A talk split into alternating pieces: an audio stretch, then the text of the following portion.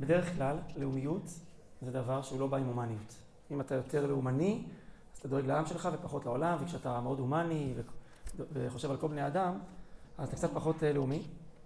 בימים האלה שפוגשים הרבה טוב ורע, מתנגשים, אז אני רוצה ללמוד איתכם פסקה של הרב קוק על חנוכה, עם פירוש מדהים בעיניי, שהוא נותן אה, לסיפור פה. כמובן הלימוד שלנו יהיה להצלחת כל אה, כוחות הביטחון שלנו ולישועת ישראל ובשורות טובות. כידוע בית שמאי ובית הלל נחלקו האם מוסיף הולך או פוחת והולך. הרבה הסברים ניתנו לזה, אבל ההסבר של הרב קוק, הדרוש, שהוא אומר פה הוא מאוד מאוד מקורי.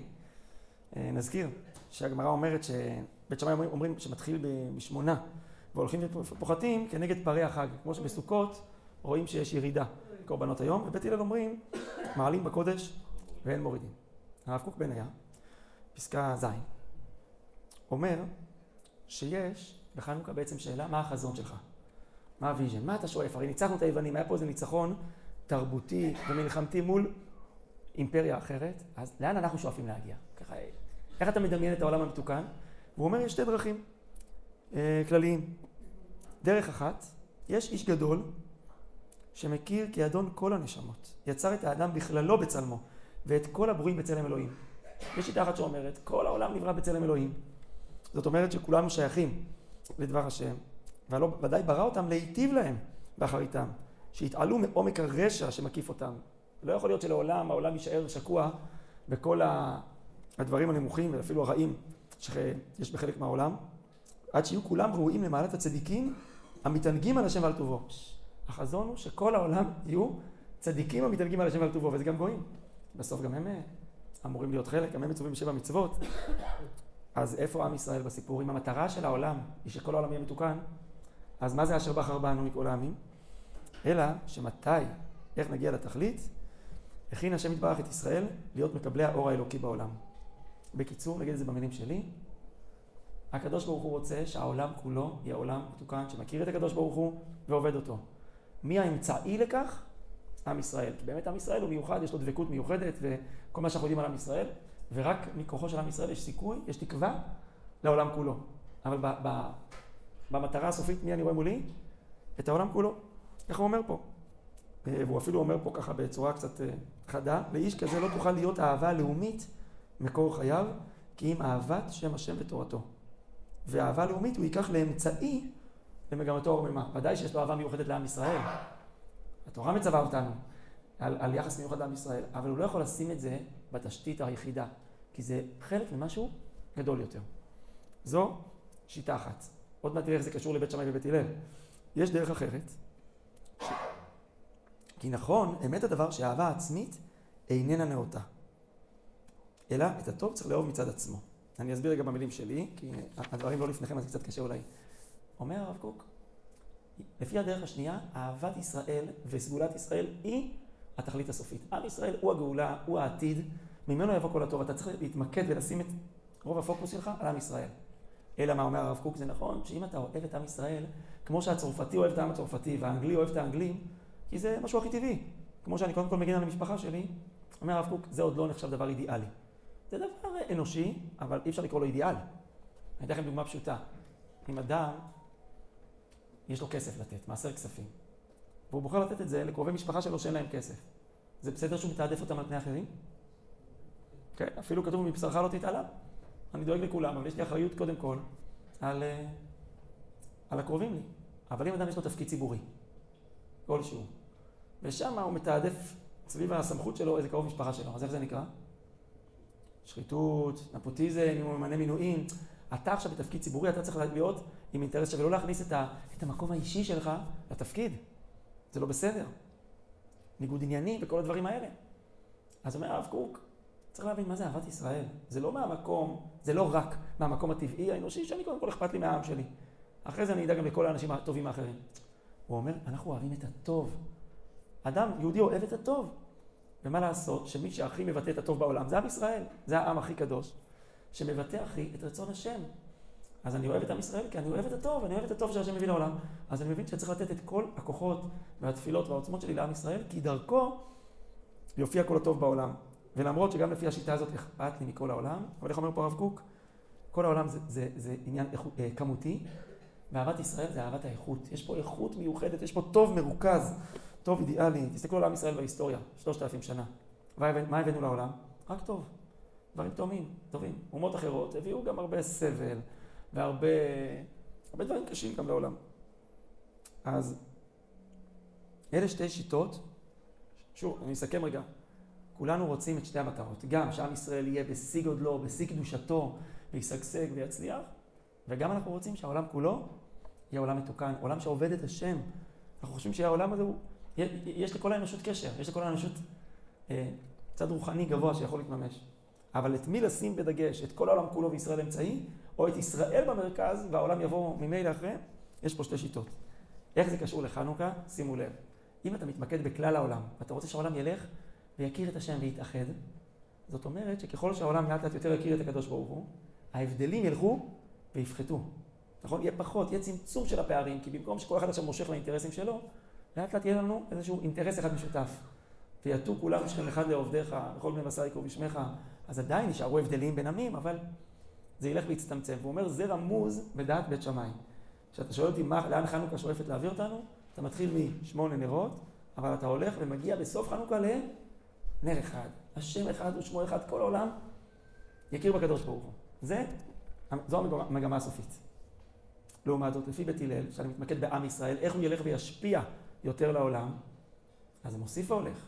יש פה נר אחד, עם ישראל הוא עדיין קטן, אבל הוא רק ילך ויתגבר, ילך וישפיע טוב יותר ויותר לעולם. ופה אגב הרב קוק אומר אמירה מעניינת. גם לפי בית הלל, אם עם ישראל ילך וישפיע הרבה הרבה טוב לעולם, בסוף כולם יכירו את שם השם, אז אמור להיות נר אחד, ולא שמונה. אז הוא אומר נכון, ואף על פי כן יישארו הבדלים בין עמים שונים. וכל אחד גם יעבוד את השם עם הגוון שלו. אז האור של עם ישראל יצליח להתחלק לכל מיני אורות, שייתנו לכל עם את הנתיב שלו בעבודת השם. להבדיל, כמו שתגיד לי מה, גם בעם ישראל כולם אותו דבר, כולם מחויבים לתרי"ג מצוות ולאמונה בהשם. נכון, האם אין גוונים שונים? אין אנשים שהם יותר כזה חסידים בנשמתם, וכאלה שהם יותר שכלתנים ורק לימוד תורה, ואנשים שהם אה, מאוד ככה מתחיים מעשייה, והם אה, דבקים בהשם דרך, בעיקר דרך עשיית מצוות. אז גם בין העמים השונים יש, אה, יש לכל עם את האור שלו. הערת סוגריים, היום יש ויכוח גדול בעולם, בתרבות, באקדמיה, האם יש מהותנות או ספקנות. האם בכלל יש איזה שהן מהויות בעולם? יש מהות יהודי, זה מהות שונה? גבר, אישה, יש להם בכלל מהות שונה?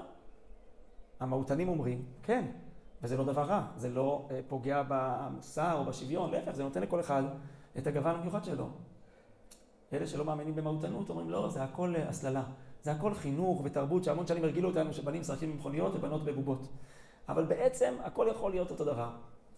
אה, אגב, אולי לא במקרה, האקדמיה, הצד ששולט בה בכל העולם כולו, זה הצד הספקני. אולי זה לא במקרה, כי יש משהו מהותי באקדמיה שמקדש את הספק. הרי היא אמורה כל הזמן לחקור, להטיל ספק, תוכיח. יש דברים שזה טוב בחיים, יש תחומים שאתה צריך להביא איזה נוסחה, או להוכיח שמשהו עובד, ואתה צריך כל הזמן להסתפק כדי לראות אם אתה בטוח בו. אבל זה הלך צעד אחד נוסף והטיל ספק מהותי בדברים. היהדות, אני לא צריך להגיד לכם, היא מהותנית. היא מאמינה במהויות, היא אומרת שיש סגולת ישראל, היא מדברת על זה שהשם ברא זכר ונקבה, ששניהם בצלם אלוהים, אבל בתוך הצלם הזה יש גוונים שונים, יש מצוות שהאיש צובה ומצוות שהאישה. הרב קוק מדבר פה על עולם אחדותי, אבל יהיה בו שמונה אורות, יהיה פה כוונה גוונים. דוגמה אגב לזה שחז"ל הכירו במהויות שונות של עמים, 70 שרים. שמעתם את הביטוי הזה הרבה פעמים? יש 70 אומות עם 70, 70 שרים. מה זה שרים? זה כוח רוחני שנותן איזושהי אה, אה, משמעות מיוחדת לאותו עם, איזה ייעוד. זה לא שכל הגויים הם כולם בחד המחתא. לא יודע, ישמעו שבע מצוות וזהו. יש לכל עם, ורואים את זה היום, יש עמים שהם מוכשרים יותר בדייקנות, יש עמים שמוכשרים בפילוסופיה, במוזיקה, כל העם מביא את האיכויות שלו, יש עמים שמגדלים לנו כמויות אדירות של אורז ו... ומועילים לעולם לקיים אותו פיזית. אז הרב קוק לא, לא בא בכלל לא, לא בא לשלול את, את השוני ואת הגוונים, אבל הוא מכניס פה לבית שמאי ובית הלל אה, את, את, את, את שני הצדדים האלה, שלאן אנחנו חותרים. רגע, נראה מה עוד נביא פה, כי זו פסקה ארוכה. מה? עכשיו, איך זה קשור למה שהגמרא אומרת על פרי החג? זה לפי, לפי הרב קוק זה מאוד מובן. בית שמאי אומרים, כמו שבסוכות פרי החג הולכים ומתמעטים, לא בגלל שהגויים ייעלמו מהעולם, כנראה שאם הקדוש ברוך הוא ברא אותם, יש להם תפקיד, אלא בגלל שילכו ויתאחדו. במקום שהם יהיה פה כל כך הרבה פירוד, עם ישראל יביא את בשורת האחדות, את שם השם שתאחד אותנו. ובית הלל מה אמרו? מעלים בקודש ואין מורידים. אם אתה מתמקד בקודש, שזה עם ישראל, קודש ישראל השם, באיכות, אז אתה רק צריך ללכת ולהגדיל אותו. מרגיש שבימים כאלה, שאתה מסתכל על מה קורה בעולם, אתה רואה את העולם מתחלק קצת למחנות, לציר כזה וציר כזה, אתה אומר, תגיד, מה, מה הבשורה העולמית שהייתה לכל העמים עד היום? האימפריות הגדולות, חלקם היו יותר מוצלחות, חלקם פחות, מביאו איתם הרבה גם הרג, הרבה סבל. הדתות הגדולות שאנחנו מכירים היום, הנצרות והאסלאם, כמה, כמה הם הרגו בדרך, גם אותנו כמובן, בדרך לתיקון העולם שלהם. והעם היחיד שבאמת יש תקווה לעולם בזכותו, זה עם ישראל. שהוא מציג תקווה לעולם שלא כולם צריכים להיות אותו דבר, לא כולם צריכים להיות יהודים. אבל אם תשאל אותי מה יאחד את כולנו עם כל כך הרבה אינטרסים שונים, זה ללא ספק אמירה מאוד נכונה, רק שם השם. אם אתה מחפש מכנה אחד משותף שיוכל לאחד אותנו, זה לא רק ההומניות ולא רק הליברליות, זה לא, זה לא, זה לא יחזיק, אלא שם השם שיאחד אותנו, ועדיין יהיה מקום לכל עם עם הגוון שלו. ואני רוצה לקרוא לכם כמה שורות ממידות הראייה בערך אהבה, שגם מתמודדות עם, הש... עם המלחמה שיש לנו היום. כי דיברתי הרבה על תיקון העולם, אבל כרגע אנחנו מתמודדים עם, עם להשמיד את הרוע שסביבנו. אומר הרב קוק במידות מידות אהבה, פסקה A, אהבת הבריות צריכה להיות חיה בלב ובנשמה. אהבת כל האדם בייחוד, ואהבת כל העמים כולם. הוא אומר, אהבת, אהבת בני אדם צריכה להיות משהו שאתה חי אותו. לא יודעת נראה שאנחנו מתפללים על זה כל יום בתפילה. חפץ עילוים ותקומתם הרוחנית והחומרית, אנחנו צריכים ממש לרצות בהצלחה הטובה שלהם. איפה השנאה? והשנאה צריכה להיות רק על הרשעה והזוהמה שבעולם. כשאתה פוגש רשעה, אותה צריך לשנוא. אז זה שאנחנו שואפים לתקן עולם במלכות שדי ושכולם יעבדו את השם ביחד, זה לא סותר בכלל שכשאתה פוגש תנועות או עמים שהם כותבים, הם כותבים במוצהר שהמטרה שלהם זה לא שיהיה שלום, זה לא שיהיה פה שתי מדינות, המטרה שלהם זה להשמיד את ישראל, ככה, ברמה הזאת, למחוק את כל מדינת ישראל. אז התיקון עולם הוא להשמיד את הרשעה הזאת, את הרוע הזה. זה חמאס, זה חיזבאללה, למי שלא יודע, זה הרשות הפלסטינית, זה דברים שכתובים. תקשיב, אנחנו כבר לא יכולים יותר לעצום עיניים נראה לי. דברים שכתובים. אז מי שאומר זה המגמה והאידיאל שלי, אני לא אשקוט ולא אנוח עד שאני לא אגשים את המטרה הזאת, אז חז"ל ידעו להגיד, הקם להורגך, השכם להורגו. אבל תשאל אותי, מה אני חפץ בסוף? האם, אני, האם אנחנו חפצים להילחם בעולם כולו? לא. אנחנו חפצים לראות עולם טוב, שמח, מתוקן. עם שהביא הכי הרבה ברכה לעולם. אפילו במוסר שלו, אפילו בהמצאות שלו, בחידושים שלו, זה עם ישראל. אנחנו מוסיפים ברכה, רפואה, אה, מוסר לעולם. אם יורשה לומר שהעולם כולו מסתכל על עם ישראל. מה אכפת להם מה קורה באיזה פינה קטנה ואפסית במזרח התיכון? אנחנו פרומיל מהעולם, וכולם מדברים עלינו, או בעדינו או נגדנו, אבל כולם מתעניינים בנו. אני חושב שכולם מרגישים, יודעים שזה העם שהביא את התנ"ך לעולם. הם, אני חושב שהם מרגישים, אם לא במודע אז בעל המודע שלהם, שיש פה איזו ציפייה שעם ישראל יביא משהו אחר לעולם. אז גם אם כרגע חלקם אה, מצרים לנו ולא מספיק אה, אה, תומכים בנו או מחזקים את ידינו, אבל אני חושב שכולם בסוף מצפים שתצא כי מציון, תצא תורה דבר השם בירושלים, זה נאמר לא רק על היהודים, אלא זה נאמר על גויים רבים שעלו בית השם ויבואו ולדרוש את השם, שנזכה לבשורות טובות, לניצחון מוחץ.